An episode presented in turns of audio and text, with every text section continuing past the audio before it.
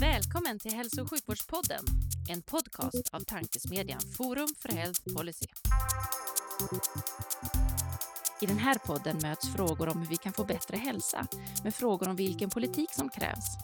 Det kommer bli samtal om personcentrering, ledarskap, digitalisering, organisation, politik och mycket mer.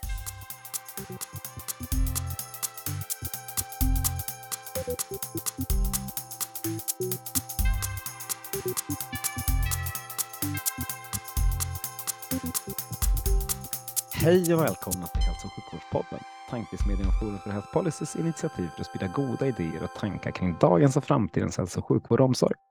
Jag heter Magnus Lejelöw och arbetar i vardags för Colivia, men är även ambassadör för Forum för Health Policy.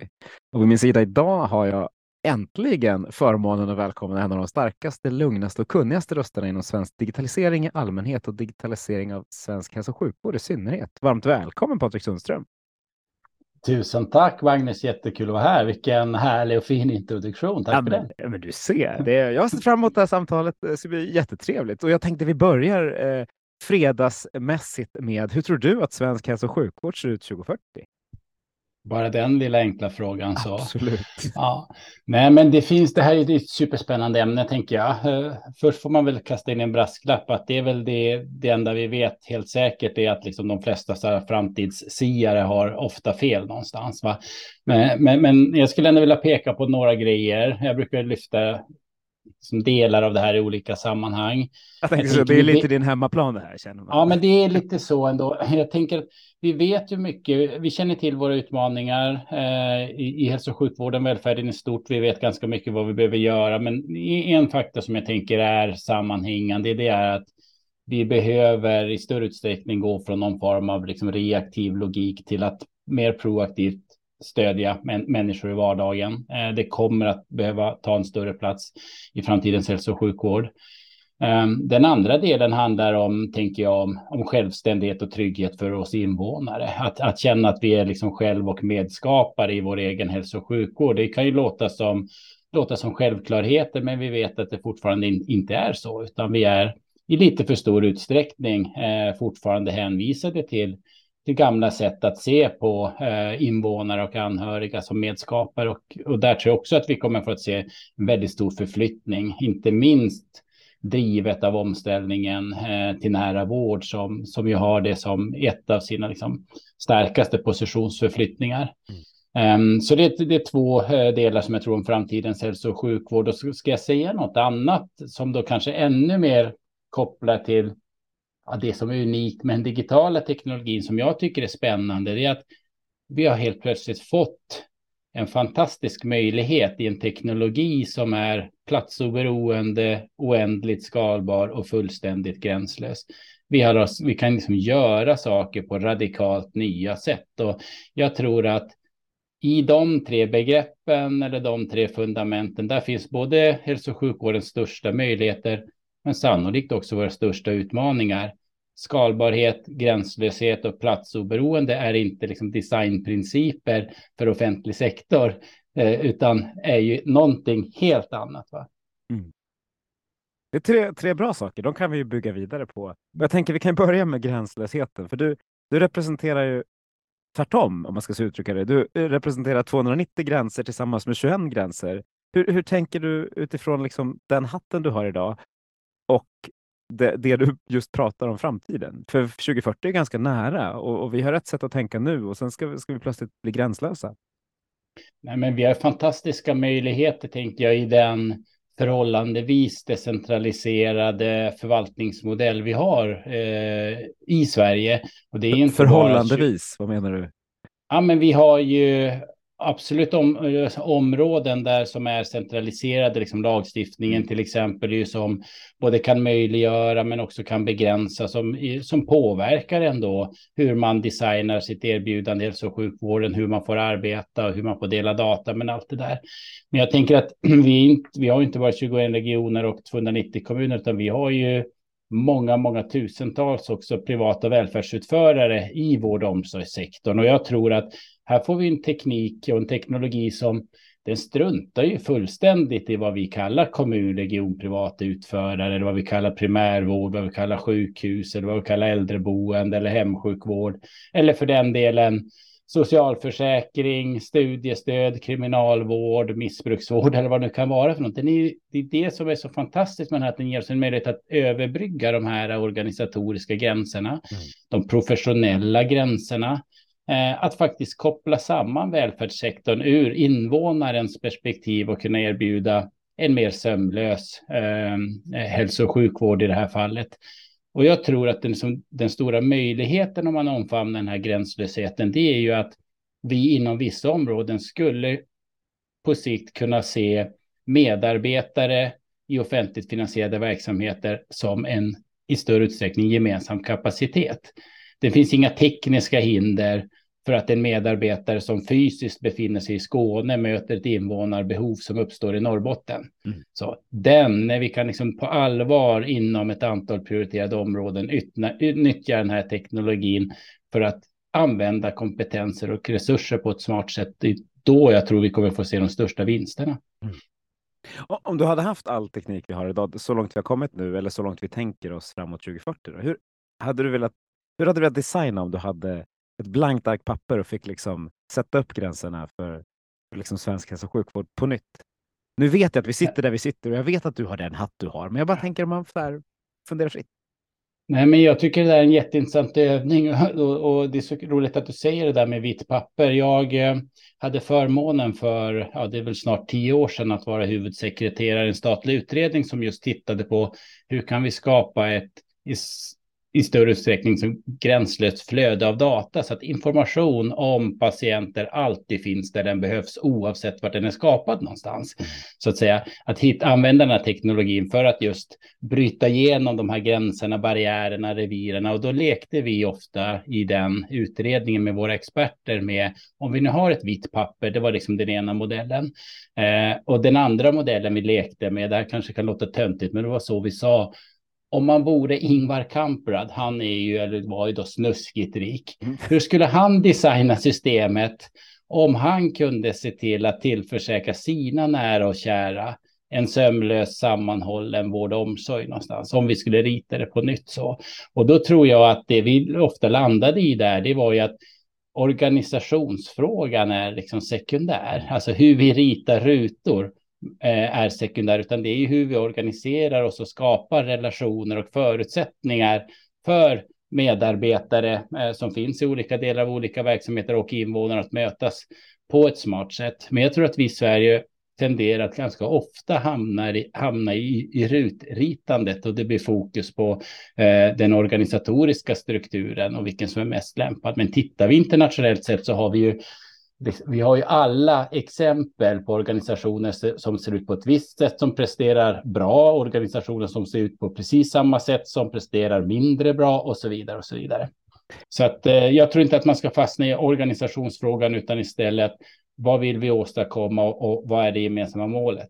Men är det inte organisationen som ibland får oss att fastna? Då? För om man tänker på ja, men ett favoritämne eh, om journalsystem eller vårdinformationsmiljöer där vi, där tack vare det sättet vi har strukturerat upp oss nu blir ett antal olika system. Vi vill inte ha samma system, men vi vill ha system som pratar med varandra. Men eftersom de upphandlas på olika håll så är det plötsligt så att de inte automatiskt måste prata med varandra eftersom vi har de där organisatoriska gränserna.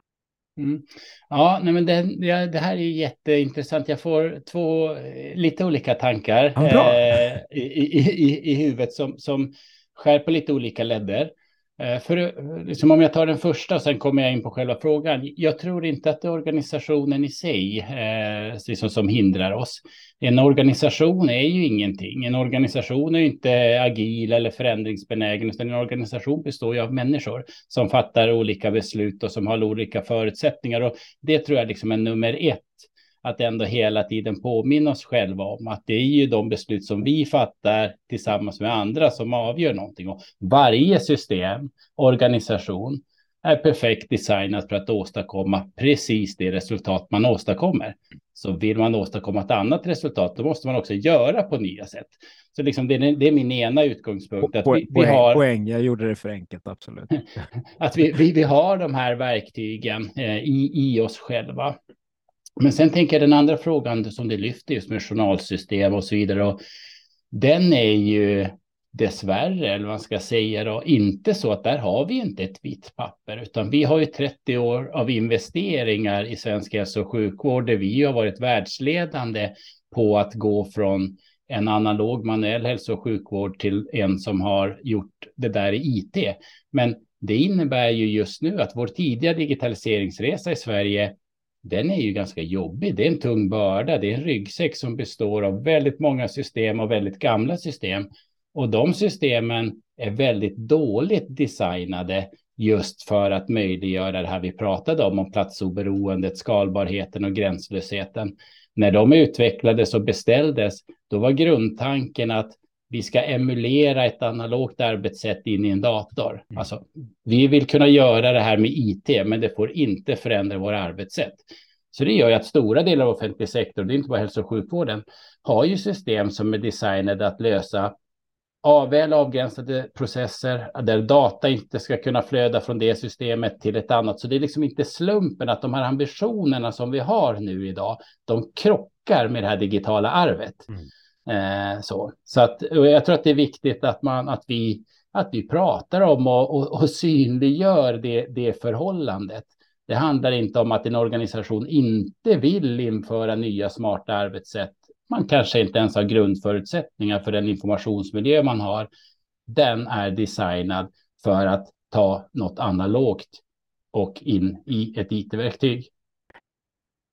Och det har vi ju pratat om ett tag. Jag, jag tänker när, när Estland var och pratade blockkedjor för, vad är det, jag höll på att säga tio år sedan, det kanske inte är tio år sedan, men det känns som tio år sedan i alla fall. Så sa vi att jo, jo, absolut, de har kommit så långt för att de har inget arv, utan de, de hade kommit så kort. Men nu sitter vi här nästan tio år senare och sitter fortfarande med samma liksom, funderingar.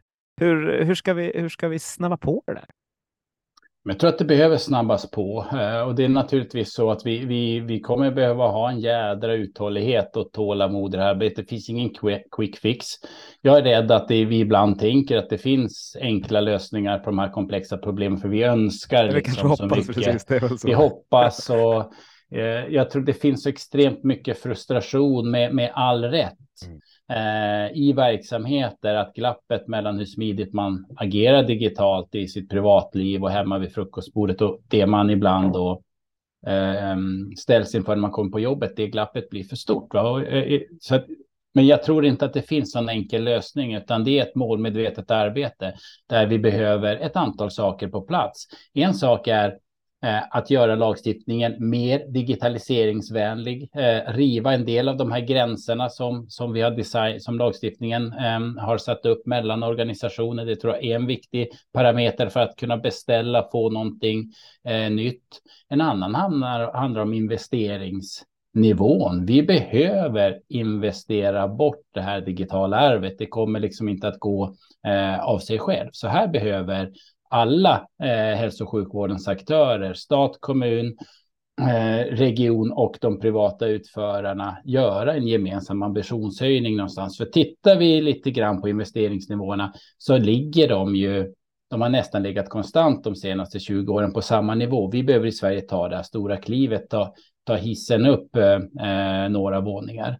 Det tredje jag skulle vilja lyfta det är att vi också tror jag behöver ha en förflyttning på marknaden. Kanske inte hos de mindre nya bolagen som står för mycket innovationer, utan kanske hos de större, mer traditionella bolagen också, som måste i sig också göra ett utvecklingskliv och kunna leverera någonting nytt. Mm. Jag tror inte idag att det skulle finnas någonting jättesprillans nytt för den som var beredd att kasta upp ett antal miljarder. Så finns det nog inget liksom på hyllan system för svensk hälso och sjukvård. Så där har vi ju en gemensam angelägenhet med både det svenska och det internationella näringslivet.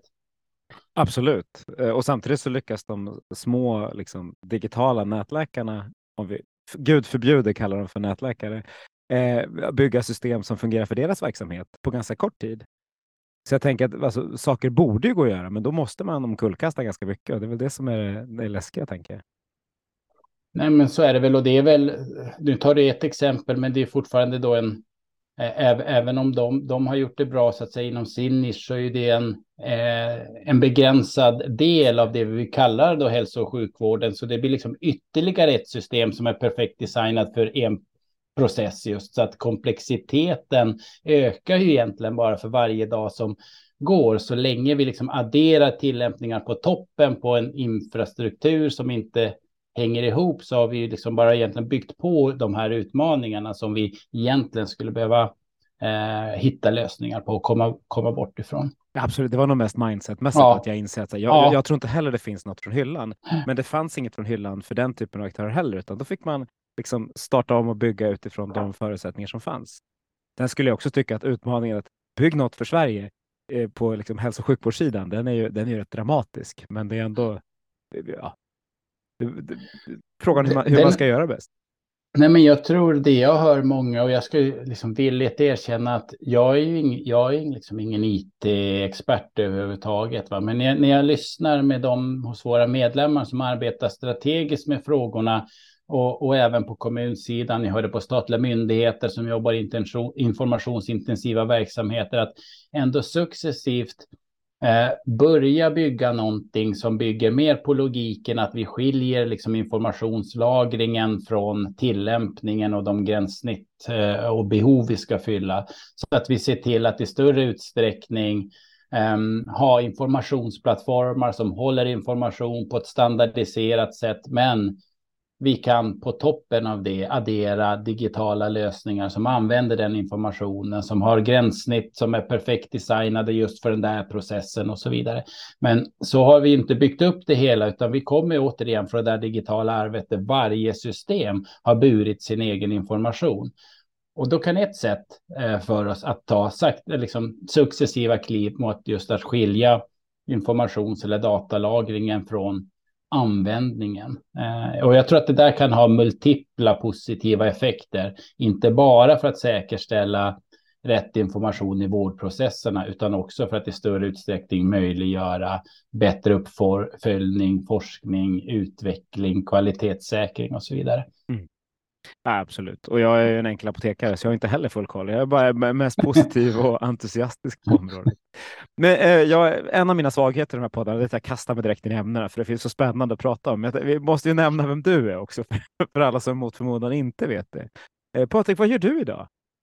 Ja, men jag som sagt finns då på Sveriges kommuner och regioner. Jag är digitaliseringschef där. Det innebär att jag har ett övergripande ansvar för att försöka samordna och hålla ihop egentligen allt vårt engagemang inom digitaliseringsområdet och vi har engagemang inom alla områden som kommuner och regioner har ansvar för. Så det innebär eh, hälso och sjukvård, socialtjänst, arbetsmarknad, skola, kultur, fritid, samhällsbyggnad, smarta städer, integration, ja, you name it. Så att kommuner, framförallt kommunerna har ju ett extremt brett välfärdsuppdrag. Eh, så att jag finns placerad i SKRs ledningsgrupp och har eh, till ansvar att liksom på en strategisk övergripande nivå hålla ihop våra frågor. Eh, men sen så har jag under många år jobbat, eh, som du var inne på tidigare, framför allt då med, med hälso och sjukvårdens och socialtjänstens digitalisering och eh, ty, ty, har tyckt och tycker fortfarande att det är så fantastiskt kul. För även om vi nu redan inledningsvis i samtalet har nämnt ett antal utmaningar så är ju möjligheterna i princip oändliga. Det är otroligt spännande vad vi skulle kunna göra framåt. Mm. Absolut. Det kan man inte säga något annat om. Men om vi, om vi börjar och liksom sno lite i det då. Om vi, nu när du, för du har ju som sagt haft hälso och sjukvårdshatten på dig ganska länge och så nu har du ett bredare uppdrag. Vad, skulle, vad, vad vill du plocka in från eh, kollektivtrafiken och integrationen och skolan till hälso och sjukvården? Eftersom de flesta av våra lyssnare liksom tillhör hälso och sjukvårdssektorn. Nej, men jag skulle, eh, jag kan zooma ut ännu lite mer. Kör. Eh, så, för att ge någon form av eh, bild hur, hur, jag, hur jag tänker och vad som, vad jag ser där jag rör mig just nu. Eh, det jag ser det är att vi har egentligen ingen sammanhållen politisk inriktning för välfärdens digitalisering i Sverige. Det pågår extremt mycket utvecklingsprojekt i alla kommuner, regioner, hos statliga myndigheter, hos privata utförare i näringslivet och så vidare. Men det går liksom inte att förstå. Det finns ingenstans att kolla för att förstå var är svensk offentlig sektor på väg någonstans. Mm. Vart vill man? Vad är de gemensamma riktningarna, målen? Så det är, det är som någonting som jag då har tittat på andra länder att vi behöver skapa ett gemensamt varför, en gemensam riktning där stat, kommun, region och näringsliv går ihop och pekar ut den här riktningen. Det är bland annat det som jag tycker Estland gjorde eh, på ett väldigt bra sätt och visade ledarskap. Hur Estlands president var den som stod i talarstolen och pratade om deras digitala omställning. Det var liksom inte decentraliserat till någon som jobbade med IT. Mm. Eh, jag tycker också Danmark har gjort en sån imponerande resa att faktiskt få ihop sina påsar och göra gemensam sak. Så det är den ena delen, en gemensam riktning. Eh, och så sen så tänker jag också att vi behöver ha några gemensamma infrastrukturella, om jag får använda det tråkiga ordet, lösningar på plats, alltså hygienfrågor, smör och bröd, sånt som borde vara helt självklart. Och även där tycker jag Danmark är ett föregångsland. Jag tycker om jag liksom då ska vara väldigt tydlig att Sverige har totalt misslyckats fram till idag när det gäller liksom Eh, identifiering i den digitala miljön. Eh, vi har under väldigt många år varit i princip helt beroende av de kommersiella bankernas lösning för att kunna identifiera oss digitalt. Eh, och vi kan återigen där jämföra med Danmark som redan för många år sedan bestämde sig för att här behöver staten ta ett ansvar så att alla invånare kan identifiera sig och att man kan använda den legitimationen på nätet oavsett om man ska liksom vända sig till en kommun, region eller till en statlig myndighet eller göra något på banken eller köpa något på någon, någon, någon e-handelssajt någonstans. Eh, men det har vi inte i Sverige. Och, och, i själva verket har vi en vilda västern, för jag tror att vi har idag tre, fyra godkända e-legitimationer i Sverige. Men det finns inget krav på aktörer som kräver e-legitimation att man ska acceptera alla dem. Så väljer jag en av de där e-legitimationerna som inte då är bank-id utan den här andra som, som börjar bli lite större, eh, då kommer, den inte, kommer inte jag kunna komma in med den. Eh, hos många statliga myndigheter, eller hos många regioner, eller hos många kommuner och hos ingen bank. Så vi har ju gått från ett område som var fantastiskt standardiserat med körkort, ID-kort eller pass till att jag faktiskt inte ens kan legitimera mig fast jag har en av staten godkänd e-legitimation. Sådana frågor måste vi liksom reda ut någonstans i Sverige. Det, det är ett exempel. Och, och vad gick vi snett där? Då? Jag vet faktiskt inte vad som gått snett, men jag tror att förståelsen för eh, den här kraften som finns i digitaliseringen, för att det är det nya normala, för att Sveriges eller samhället kommer att vara i större utsträckning digitaliserat och vad är det statliga ansvarstagandet och rollen i det? Eh, det är ytterst liksom en styrnings eh, och ledningsfråga. Nu ser vi ju, ska jag liksom säga här, positiva rörelser eh, hos regeringen som har tagit initiativ i frågan. Men det här har ju varit en fråga som, som många tidigare regeringar, alldeles oavsett färg, eh, i princip har blundat för. Mm. Ja, det är jag kan nämna... Jag får kör på. Nej, men jag kan nämna ett annat sånt intressant exempel apropå det här att vi ibland kan tycka att digitaliseringen i Sverige den går både fort och den går långsamt och ibland så blir vi frustrerade för att den går långsamt. Ett annat sånt exempel som också är kan man säga en sån här äh, hygienförmåga idag, det är ju digital post. Alltså att fasa ut gammal dyr portobaserad post eh, till förmån för digital post.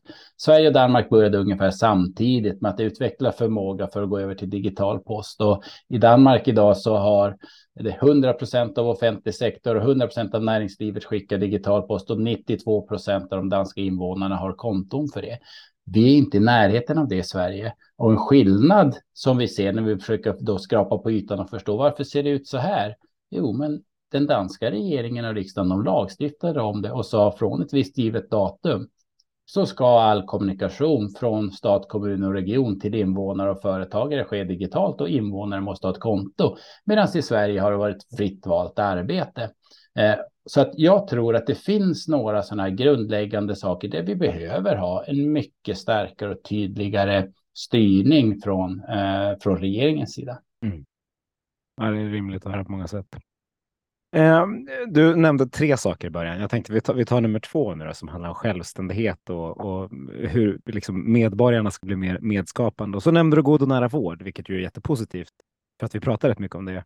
Idag så kom det ut att vi skulle satsa 6 miljarder på nära vård. Det kom, väl, det kom från regeringen, så det är positivt. Varav ynka 70 miljoner ska gå till vision e, att uppfylla Vision e-hälsa.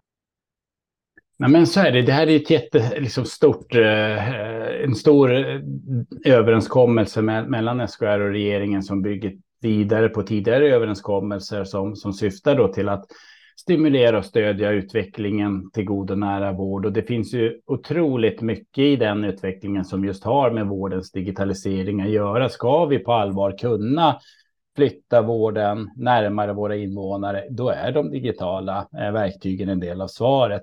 Ska vi på allvar kunna göra de här positionsförflyttningarna från, från organisation till relation, från synen på invånare som passiv mottagare till aktiv medskapare, ja, mycket av de verktygen kommer att finnas i de nya digitala lösningarna. Så att jag tror inte man ska liksom stirra sig blind på att det fanns en viss pengapott där som var öronmärkt för Vision e-hälsa, utan jag ser ju att det finns enorma möjligheter inom ramen för de här 6 miljarderna att använda ny teknik för att jobba eh, på nya sätt.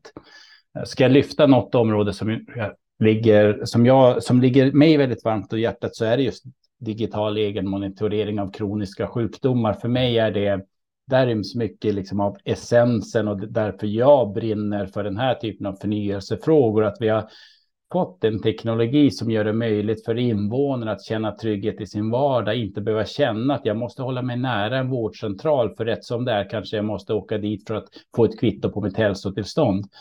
Eh, utan att kunna monitorera det här i sin vardag, ha tryggheten, förstå hur mitt hälsoläge varierar beroende på hur jag beter mig och annat och så känna tryggheten i att det finns faktiskt någon som, som ser det där eh, och hör av sig om det börjar gå åt fel håll och vi kan justera och så vidare. Det, det är det jag tänker för mig. Det här är en självständighets självständighetsreform som gör att många berättelser som vi hör från patienter och anhöriga, de pratar ju som att de har liksom fått friheten att leva sitt liv som de vill tillbaka. Så det tycker jag är något av det mest fantastiska med just den här digitala utvecklingen. Det var nog mest att jag, eller jag resonerar precis som du, men jag blir så förvånad att det dyker upp en liten, liten pengapott som handlar om, ett, liksom, om e-hälsa, fastän det egentligen borde, när vi pratade om det här för 8-10 år sedan, så trodde vi att vi skulle inte prata e-hälsa under 2020-talet. För då hade det varit, då var det en normal del i vardagen, men det är fortfarande så mm. att det mm. liksom lyfts ut som en separat del. Att vi ska nå någonting som Eh, ursäkta, jag tror inte vi når kanske att vara bäst i världen på att tillvarata e-hälsans möjligheter om två år, men det, det, säkert inte med 70 miljoner. Nej, nu är det ju mycket mer som läggs naturligtvis eh, på, på, på, på, det. På det. Eh, tittar vi bara på, på de 21 regionerna så lägger man ungefär 15 miljarder varje år på Eh, på någon form av IT-relaterad verksamhet. Eh, Men hur mycket så, av det läggs på egen monitorering? För det är precis som du säger, det, det, är liksom nästa, det är nästa steg. Jag var på, ja. på mässa här i veckan och det, liksom, ja. det pratas egen monitorering precis överallt. Men när jag som patient kommer till vården så är inte det det första som kastas på mig. Nej, men precis. Jag, jag har ingen aning om hur mycket pengar som läggs eh, så, men däremot så, så ser jag ju att det är ett område där det skulle behöva gå snabbare fram. Vi behöver gå mycket snabbare från projekt och pilot till mer storskaliga breddinföranden. Det finns en risk att vi kommer få se ojämlika förutsättningar över landet om vi inte lyckas eh, på så många håll som möjligt kunna erbjuda eh, invånare den här typ, typen av lösningar någonstans. Och jag tror inte det finns utmaningar kring med allt det här så finns det alltid, alltid vad ska jag säga, digitaliserings eller IT-utmaningar i form av liksom standardisering och informatik och är tekniken mogen och kan sensorerna mäta? Det finns det, men mycket handlar ju om andra saker och då kommer vi liksom tillbaks lite grann till frågan att vad pratar vi om egentligen? Vad är digitalisering? Och för mig så handlar det primärt inte om teknik utan om förändrade beteenden med stöd av ny teknik. Och då när jag tittar på framgångsrika organisationer som, som också anammar det synsättet och deras mognadsgrad, vad arbetar de då med för att få hävstång i den här nya teknologin för att kunna göra de här beteendena, förändringarna? Jo, då sätter de fokus på att ompröva och säkerställa att det sätt som de leder, styr, ersätter, mäter och följer upp sin verksamhet stimulerar, påskyndar, driver på och möjliggör den här beteendeförändringen och då liksom i nästa steg digitaliseringen, förmågan att ställa om. Eh, och jag tror att det är där vi är någonstans generellt i offentlig sektor, att vi fortfarande inte riktigt har eh, brutit med eh, vårt gamla synsätt om att det handlar om IT, eh, utan vi ligger liksom lite fast där och tänker att digitalisering handlar om bättre IT-system. Eh, men för mig så handlar det väldigt mycket om de här andra sakerna. Hur skapar man förutsättning för förändrade beteenden i en verksamhet? Och det är sällan själva IT-systemet i sig, utan ledning, styrning, ersättning, mätning, uppföljning, kompetens, alltså den typen av saker. Mm. Um, och det kan vara en av de bidragande orsakerna till att vi eh, inte har kommit lika snabbt fram när det gäller just egen monitorering. Och jag är dunderpositiv till det hela, så det är mest jag ställer mest mm. frågor för att ja. liksom bara lite i det, för, för att prata runt det. Eh, för ett annat sånt område, om man bara tänker på, på, på data, när jag som, jag som individ eh, märker ju att liksom, min telefon har väldigt bra koll på mig. IT, liksom, vad, vad jag rör mig påverkar hur, vilken reklam jag får, det påverkar men, en massa saker. Den vet ju dessutom om en massa saker om mig som där jag kanske är sjuk på ett eller annat sätt, men där jag skulle vilja få veta det. Men än så länge får ju vården inte ta del av den här datan, trots att jag berättar hur mycket jag rör mig, vad jag äter, eh, vilka liksom funderingar jag har. När, när tror du att sjukvården kan ta del av, av all den här datan jag skapar i någon strukturerad form och faktiskt ge, ge mig återkoppling?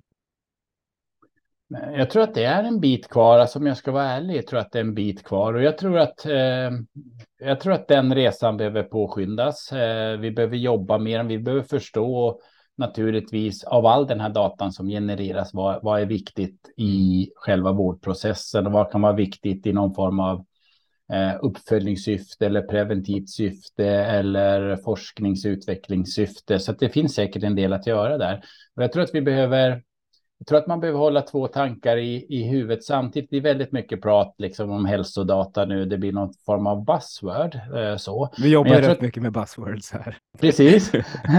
Eh, det är den branschen. Eh, men så tänker jag att, eh, och det är viktigt, det, vi ska prata mycket om det och vi ska liksom, men vi behöver bli ännu mer konkreta. Vad är problemet och vad kan vi göra åt dem? Det är liksom den ena delen kring det här. Och den andra delen är vi får inte glömma för den skull, alltså vi får inte höja, bara höja blicken och titta liksom framåt, utan det finns ju hygienfaktorer som inte funkar särskilt bra idag när vi eh, lyssnar med berättelser från både medarbetare och invånare. Att man tycker att man har IT som är mer störande än stödjande eller problemet med oändligt många inloggningar eller att vi inte kan eh, ha ett remissflöde som går tillräckligt snabbt eh, och så vidare och, så vidare. Så att jag tror att det är jätteviktigt när vi pratar om vårdens digitalisering att vi hela tiden pratar om båda de här delarna och det var det, där, där, därför jag tyckte att vi fick en, en skjuts under pandemin. Då upplevde jag att det verkligen blev fokus på de delarna som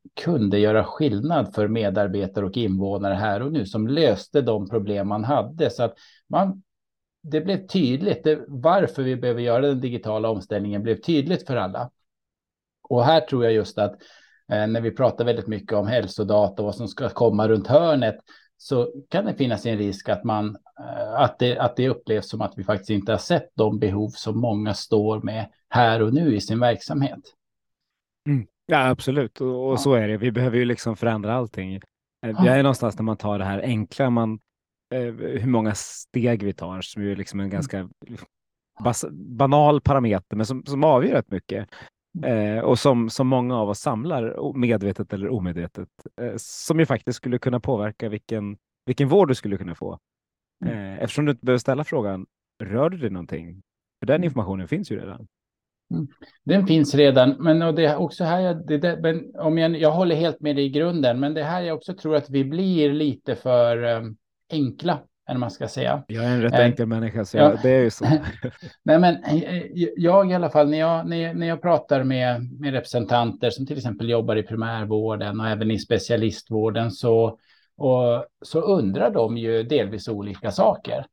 En del eh, undrar hur många gånger i veckan du rör på dig. En del undrar exakt hur många steg du tar. En del vill veta i vilken terräng det är. Alltså, så det, det är olika och det är det som är så svårt med det här, att det är inte liksom en sak vi frågar. Vi kan ta levnadsvanor generellt. Det är ett sånt klassiskt område där man inom i, i vissa delar av hälso och sjukvården kan vara väldigt viktigt att veta. Ja, men röker du fem eller femton cigaretter per dag och alla dagar i veckan. Det är viktigt medan i, an, i ett annat möte med hälso och sjukvården så kanske det bara är ja eller nej röker du. Va? Eh, så det är därför jag tror att hela den här uh, diskussionen om, om, data att vi behöver ta den också att för att försöka förstå vilken information är det som behövs. För det är inte bara datat i sig, utan vi måste ju förstå data och i vilken kontext den är beskriven för att någon ska kunna liksom fatta beslut på den. Absolut, och samtidigt har vi ju bisarrt många kunskapsunderlag eh, som kanske just nu är, är rätt mycket i pdf-form, men där den här informationen finns. Ja. Som man, man borde kunna liksom väga, man tänk, jag tänker i min enkelhet att det, det vore väl inte så svårt att extrahera ut okay, hur mycket för vilken, patient, vilken patientkategori handlar det om? Vad, vad, vad, säger den senaste informationen? Och hur, hur, hur bör vi agera? Vilken data bör vi ha? Mm. Eh, kan en, en chatbot klara av en juristtenta och få se som väl kom ut igår eh, så anar jag att det här borde gå. Mm. Nej, men det är klart att det borde gå, absolut. Eh, helt klart. Jag, jag, tror däremot, om jag liksom ska lyfta något, så tror jag fortfarande att, att vi kommer att behöva ägna oss väldigt, väldigt mycket mer för att säkerställa kvaliteten på den data som genereras i själva, liksom, om man kallar inmatningsögonblicket. Mm. Alltså att, eh, att fokusera väldigt, väldigt mycket mer på indata, för jag tror att vi under överskådlig tid kommer att vara beroende av kvalitet på indata för att kunna använda den sen liksom på utdatasidan, att förstå vad den innebär, fatta kloka eh, beslut i olika delar. Så att jag tror inte tekniken, eh, det är sällan där som den stora utmaningen finns, utan snarare den informatiska standardiseringen och så vidare. Mm. Klar poäng. Om, så. Ja, men det är bra. Du lyfter Estland och Danmark som två länder som du är lite imponerad av på, på olika sätt. Vad, vilka andra länder runt om i världen eller regioner tittar du på när du funderar på okay, vad, vad skulle vi kunna plocka för körsbär till den svenska Ja, nej, men jag tycker, jag tycker det, generellt så tycker jag att det är svårt att titta på nationsnivå. Då blir alla, då tycker jag de flesta länder Um, alltså det blir så stor variation så det blir någon form av, av, medelvärde. Det är jättesvårt att säga att alla länder som nationer är otroligt framgångsrika. Och tittar man där i många jämförelser just med hälso och sjukvården så ligger svensk hälso och sjukvård i väldigt hög position när det gäller resultatet för patienter och den, rent medicinska kvaliteten. Men vi generellt får lite lägre betyg när det gäller andra, om jag får kalla det lite mjukare faktorer som man mäter på. Så jag tycker egentligen att det är roligt att titta på verksamheter, kanske hälso och sjukvårdsorganisationer och då är det i Sverige att jämföra med en vårdgivare eller på sin höjd en region. Mm. Eh, så. Eh, så att, eh, och då, då tycker jag det finns till exempel i USA flera intressanta system som är välkända för många att titta på som Kaiser Permanent och Cleveland, Cleveland Clinics. Vad de eh, organisationerna gör om man ska liksom plocka något russin ur deras kaka så tycker jag att det är just deras mognad i att förstå att data är en strategisk resurs. Alltså det så de har kraftsamlat, investerat i att säkerställa att deras kliniker har tillgång till bästa tillgängliga kunskap och data. Mm. Alltså den typen av informations, liksom data management som inte vi riktigt eh, har i Sverige, där vi inte har byggt ut kompetens och organisation och struktur riktigt på samma sätt. Där ligger de, eh, tycker jag, för oss. Så det, det är en del. Ett annat exempel som är välkänt för många i Sverige, svensk hälso och sjukvård, det är eh, det som South Central Foundation i Alaska gör, eh, som jag tycker är fantastiskt spännande hur de eh, lyckas vända från en historik med väldigt dåliga resultat, väldigt eh, knagglig ekonomi till väldigt goda hälso och sjukvårdsresultat och koppla ihop eh, primärvård och specialistvård på helt nya sätt och göra den personcentrerad. Så att där tycker jag också ett intressant, fortfarande ett intressant exempel för svensk hälso och sjukvård, inte minst som stöd i omställningen till nära vård. Mm. Eh, så det, det, det, är två exempel. Ska jag nämna ett tredje och då behöver man inte åka så långt som över Atlanten. Då tycker jag eh, Finland är intressant. Södra eh, Karelen, Lappenranta, för mig att det heter, eh, där man kan åka eller kolla in organisationen som heter XOT. Mm. Så, som eh, som jag tycker också är väldigt spännande, som jag också jobbar jättemycket med att få ihop ett mer sömlöst och samlat erbjudande till invånare, använda ny teknik, använda resurserna på ett bra sätt som möjligt, möjliggöra för invånare att stanna kvar i sin, i sin vardag, i sitt hemmaboende eh, så långt som möjligt och så vidare. Så att, ja, men det är väl tre exempel som jag tycker är eh, fortfarande väldigt inspirerande. Mm. Absolut. Har du något? Det är tre jättebra exempel. Liksom, det är Mm. ganska klassiska exempel, höll jag på att säga. Det lät liksom förmätet, men det är, det är bra exempel. Har du sett något i, jag tänker Indien borde ju komma springande. Vi pratar om ett ögonsjukhus ibland, men är det, är det något annat du, du ser någonstans ute i nya världen? Eller vad man ska säga? Nej, och jag vet inte vad man ska säga. Det är klart att det finns. Nya eh, världen var för övrigt ett Ja, sjukt dumt uttryck, men, men du förstår kanske vad jag menar. Nej, men jag tror att jag förstår. Och det är klart, eh, nej, men det är klart att man ser intressanta rörelser. Sen eh, hur pass giltiga de är i en svensk kontext, eh, det kan inte jag svara på. Men jag tänker det ett sätt att liksom ta reda på eh, och försöka liksom spana efter nya innovationer och så vidare, det är att följa pengarna. Mm. Eh, och det har under ett antal år till exempel investerats väldigt mycket i Israel kopplat till eh, just digitalisering, AI, data och offentlig sektor, hälso och sjukvård. Man har flyttat en del från sin traditionella liksom, militära budget till, till de här områdena. Det tror jag är spännande att titta på liksom, och se vad handlar det om, vilka typer av innovationer får man fram. När jag liksom läser sådana här listor om eh, lovande startups som man rankar i hela världen så eh, så är Israel ganska vanligt förekommande där. Så det, så det, det, det tycker jag är ett exempel. Eh, sen tror jag det generellt är så, så om du pratade som om, om länder som inte har varit digitaliserade tidigare, som inte har det digitala arvet som vi har, som vi uppfattar kanske liksom hoppar över ett antal utvecklingssteg. Ja, de rackar. Eh, ja, men precis. Där tror, jag, där tror jag att det räcker att titta på, liksom, vad ska man säga då, eh, utvecklingsländer som ehm, i, i både Afrika och eh, Asien som, som har de exemplen. Men eh, då för att liksom knyta ihop säcken, jag tycker att vi också har de exemplen i Sverige, inte minst i glesbygd, eh, i Norrlands inland, där man faktiskt behöver införa ganska radikalt nya sätt för att kunna leverera sina invånare den bästa välfärdsservicen. Eh, så att vi behöver inte alltid åka så långt, utan jag, jag tänker kika vad man gör i Västerbottens inland eh, för att använda ny teknik eh, på ett smart sätt som ger invånarna en jämlik tillgång till hälso och sjukvård på olika sätt. Eh, Det är ett, ett bra exempel. Ett annat, om jag får göra lite reklam, eh, som jag tycker är superspännande, är också från Västerbotten. De har, ja, men tack. De har ett, eh, tycker jag, jättespännande, modigt och framåtlutat satsning som de kallar för Västerbotten utan gränser. Jag gillar det namnet jättemycket, apropå det jag sa tidigare med gränslöshet. Eh, Men eh, vi vet att det är svensk hälso och sjukvård i stora delar av landet finns en arbetskraftsbrist. Vi har väldigt svårt att bemanna verksamheter, inte minst i primärvården och har väldigt mycket eh, bemanningspersonal istället för, för, för fast anställda. Eh, I Västerbotten så började man titta på det där. Eh, hur ska vi kunna liksom på olika sätt råda bot på det? Och man insåg att på spanska solkusten finns sannolikt ett ganska stort antal ut, mer eller mindre utflyttade svenskar med hälso och sjukvårdsutbildning och har då riggat en verksamhet så att ehm, eh, svenskar eh, som finns på spanska solkusten med hjälp av digitala lösningar nu kan arbeta i Västerbottens hälso och sjukvård och äldreomsorg, ronda på äldreboenden eller eh, digitala möten inom ramen för primärvården.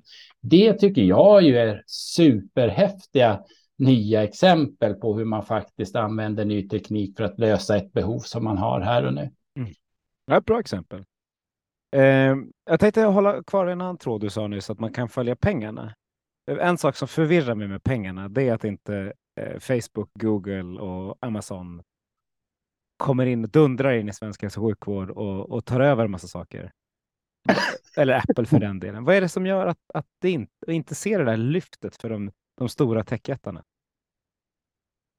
Ja, det ska man väl egentligen liksom frå fråga dem om. Ja, ja men nu, nu sitter ju du och jag och Ja, här. precis. Nej, men jag tror det finns säkert flera skäl. Dels så tror jag att ehm, eh, i, i alla liksom väldigt regelstyrda branscher så finns det höga trösklar eh, att ta sig in. Eh, det är inte en, en, en liksom öppen marknad på det sättet. Hälso och sjukvård är också en nationell angelägenhet i de flesta länder, så regelverken ser helt olika ut. Alla de här stora liksom, techbolagen, de har ju byggt sin eh, framgång på, en, på en möjligheten att vara skalbar, att leverera exakt samma sak oavsett var man finns i världen någonstans. Och när man kommer till hälso och sjukvård så funkar inte riktigt det, utan det behöver skräddarsys vi har vår lagstiftning som, som styr hur våra informationssystem ska vara designade för att leva upp till patientdatalagen till exempel. Och för Google och Apple och eh, Amazon och de att göra sådana investeringar, ja då kanske Sveriges marknad skulle behöva vara betydligt större än de 11 miljoner liksom invånare vi är någonstans. Så det tror jag är ett, eh, e-, e-, en, en, en, en bidragande orsak. Det är att det är nationella angelägenheter och ganska hårt regelstyrt område.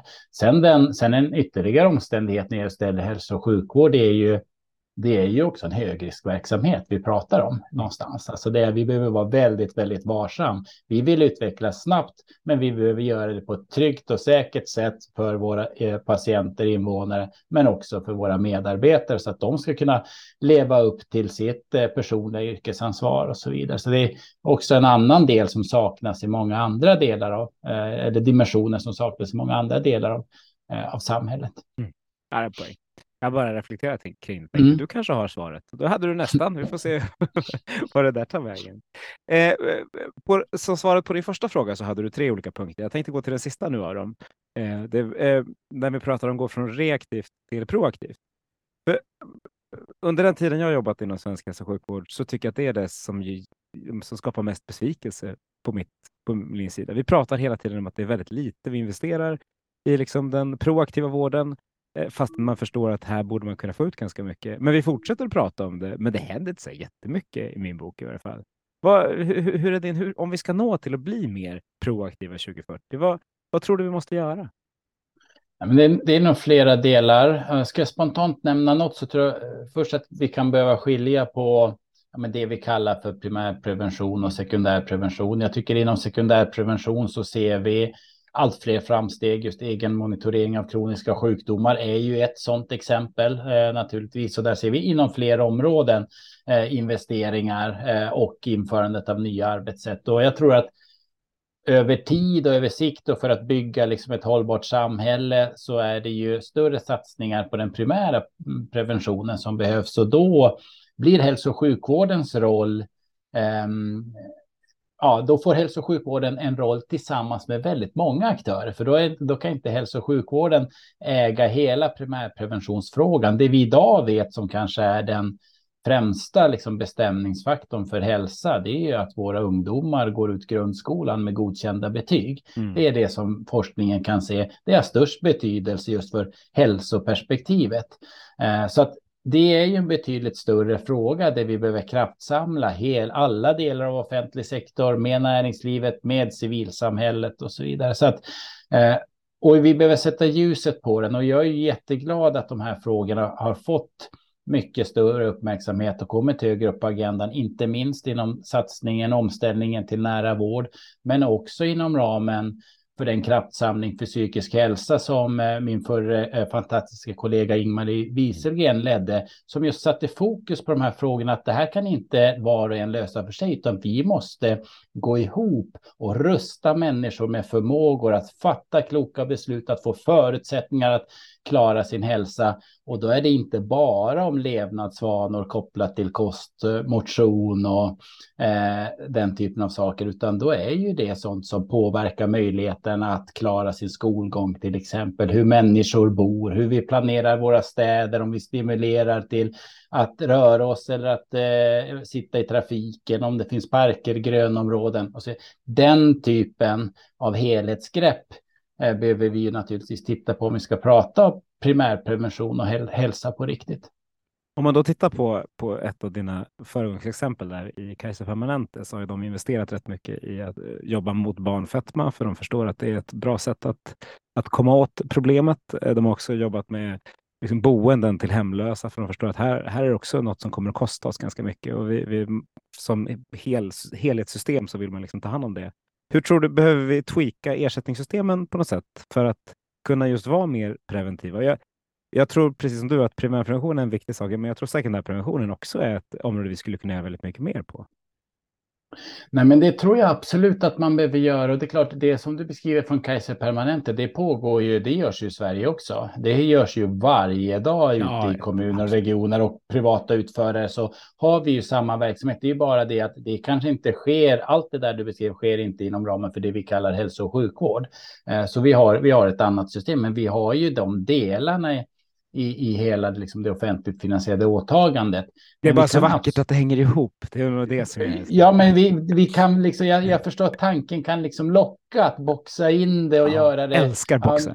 Ja, precis, nu blir vi medlem i den här organisationen och så vidare. Men vi behöver ju titta på vilka gemensamma förmågor har vi totalt sett i den offentligt finansierade sektorn i Sverige och hur används de på bästa sätt? Och då kan ju, när du var inne på med frågan, just ersättningslogikerna spela väldigt stor roll så att vi inte hamnar i något Svarte Petter-spel eller vi hamnar i en situation där ja, men man är att i, i den verksamhet man gör de stora investeringarna, de stora förändringarna, sen inte det är inte där nyttan uppstår, utan det är någon annanstans. Alltså säg att vi rustar hälso och sjukvården och skolan och kommuner och regioner investerar jättemycket där, men effekten syns på i socialförsäkringssystemet eller något annat, så då behöver vi titta på om det naturligtvis behövs transfereringar mellan förvaltningsnivåer eller vad det nu kan vara för någonting. Så att där har du ju rätt. Jag tror att allt att man behöver alltid ha span på de frågorna.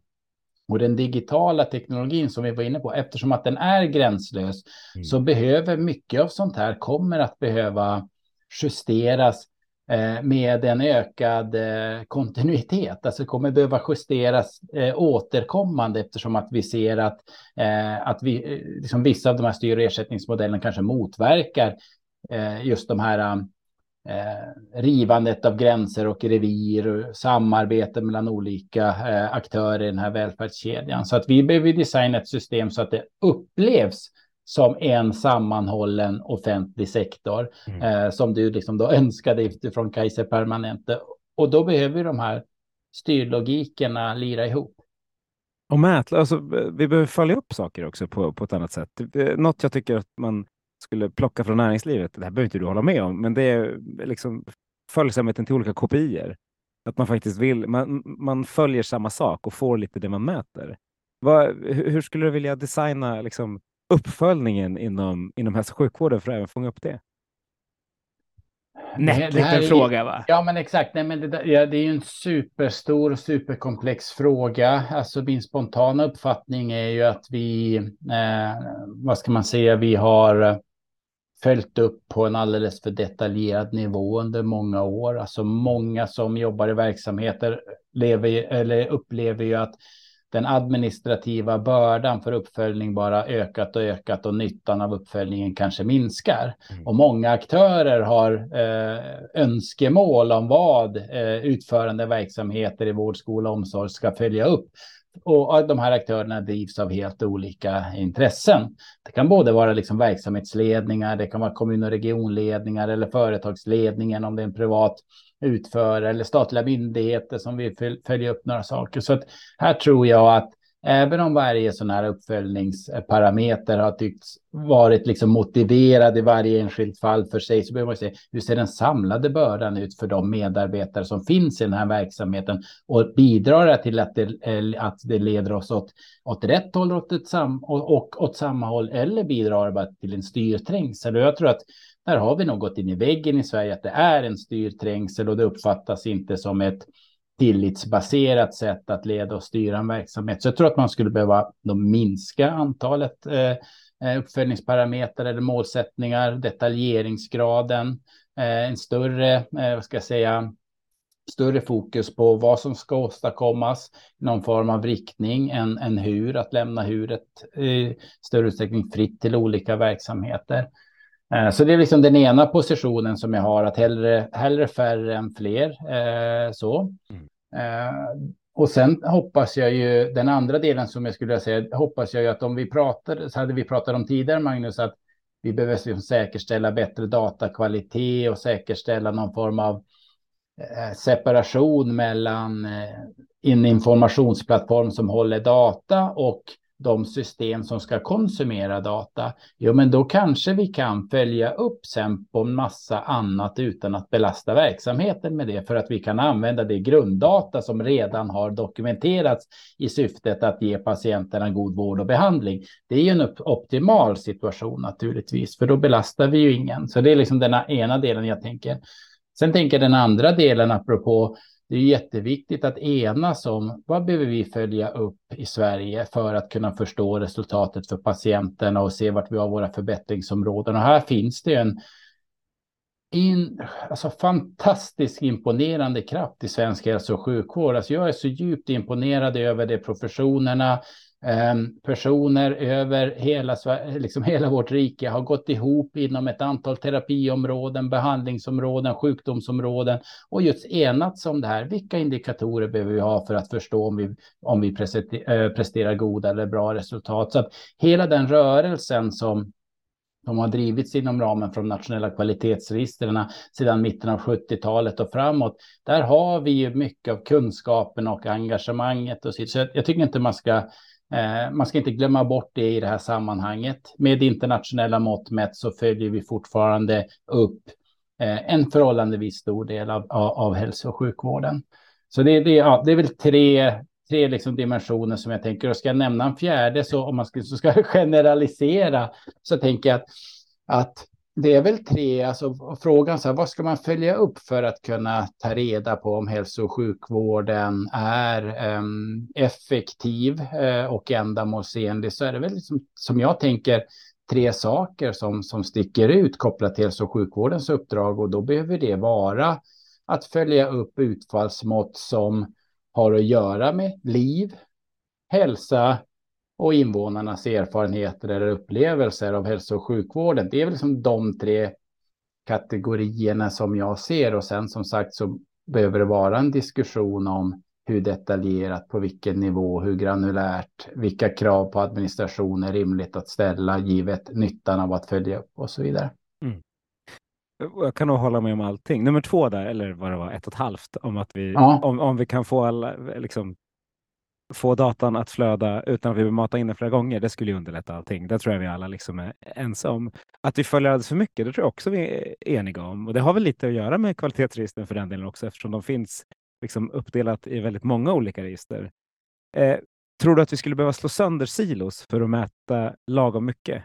Eller tror du vi kan Liksom, för, för, för, att det är, det är väldigt många, vi har en rätt fragmenterad hälso och sjukvård som vi pratade om innan. Eh, där man, om man ska få styra sin respektive lilla enhet i den så behöver man ju ha olika mätparametrar i, i respektive del. Tror du vi ska börja slå sönder något för att kunna släppa den där detaljfokuseringen? Eller hur ser du på det? Alltså, eh, jag tror att det här är en diskussion som man måste föra tillsammans med hälso och sjukvårdens medarbetare och eh, professionen. Så att så att jag, jag skulle liksom vilja passa på den. Det skulle verkligen kännas som, som att sitta och killgissa som, som, som jurist. Men, det, men vi, så, vi, vi sitter ju en podd och då, då, blir det ju ofta så att det blir ju lite killgissning hur man än gör. Men, men jag ja. förstår vad du menar. Ja. Nej, men alltså, jag tror generellt är det naturligtvis så att, eh, att eh, värdet av hälso och sjukvården skapas ändå någonstans interaktionen mellan vårdens medarbetare och patienten. Och det, det är där man har bäst kunskap om vad behöver vi följa upp för att ta reda på att vi är på spåret, att vi gör rätt saker och att vi gör saker på rätt sätt. Mm. Eh, sen behöver vi jobba ännu mycket mer med informatik och data för att säkerställa att den arbetsbelastningen som de behöver för att kunna följa upp sin verksamhet är så liten som möjligt. Nu, jag, inser, jag tittar på min lista av frågor jag hade innan. Jag mm. har hur många som helst kvar. Det har gått ungefär en timme. Det, det brukar vara för, liksom, för artrosrisken och så där för våra, våra lyssnare som är ute och promenerar och tänker att det är en ganska lagom tid. När, när du kom in i det här digitala rummet, var, var det något du hade velat prata om som vi inte har berört? Um, nej, jag tycker vi har berört jättemycket intressant. Alltså en, en fråga som jag kanske skulle vilja säga någonting om som, som, jag, som jag märker lite på den vad ska man säga, den här semaforhöjden som man befinner sig på. Man jobbar eh, i en nationell organisation och lite grann man, man är på konferenser, workshops med andra organisationer på nationell nivå så, så tycker jag att man ibland målar upp en onyanserad bild av hälso och sjukvården och förutsättningarna för hälso och sjukvårdens medarbetare att driva utveckling. Alltså det målas upp en bild att det går fruktansvärt långsamt och att det inte händer någonting. Och, och, det, och det är inte alls vad jag ser. Alltså jag är ute i kommuner och regioner och hos privata utförare väldigt ofta och det sker ju hur mycket positivt som helst. Så det är liksom någonting som jag verkligen skulle vilja att vi behöver ju prata om det positiva och vända lite på det, ta energi från det lustfyllda istället för att hela tiden som jag upplever att vi blir lite grann i Sverige, grotta ner oss i hinder och problem och omöjligheter och så vidare. Så det är den ena. Men är, är, är, det, är det för att vi inte skalar upp tillräckligt mycket eller är det för att vi inte ser öarna? Nej, men det är säkert en kombination både av det och att det är lite grann i, i vår, vår kultur att, eh, att inte liksom ta spjärn och fira och, och öka från segrarna utan att börja kanske i det här lite mera problematiserandet. Det ser jag med, med, internationella kontakter att vi har kulturella skillnader och så vidare.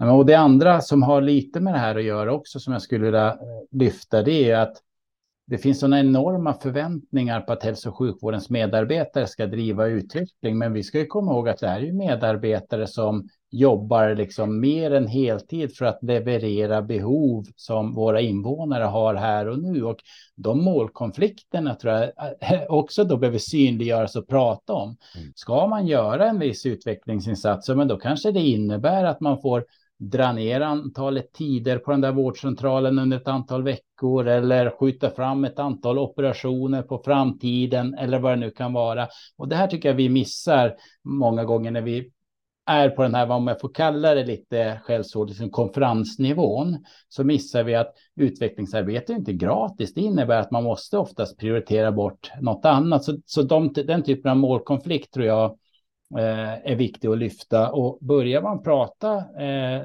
liksom lite tydligare om den, då kanske vi också skulle komma till en punkt där vi skulle göra tydligare prioriteringar. Eh, i offentlig sektor och i hälso och sjukvården. Tittar vi på hälso och sjukvården idag så finns det hundratals utvecklingsprojekt. Men väldigt, i, tittar vi i det privata näringslivet så finns det nästan inget företag som har hundratals utvecklingsprojekt, utan de sätter upp att det här året, då ska vi göra de här fyra grejerna. Mm.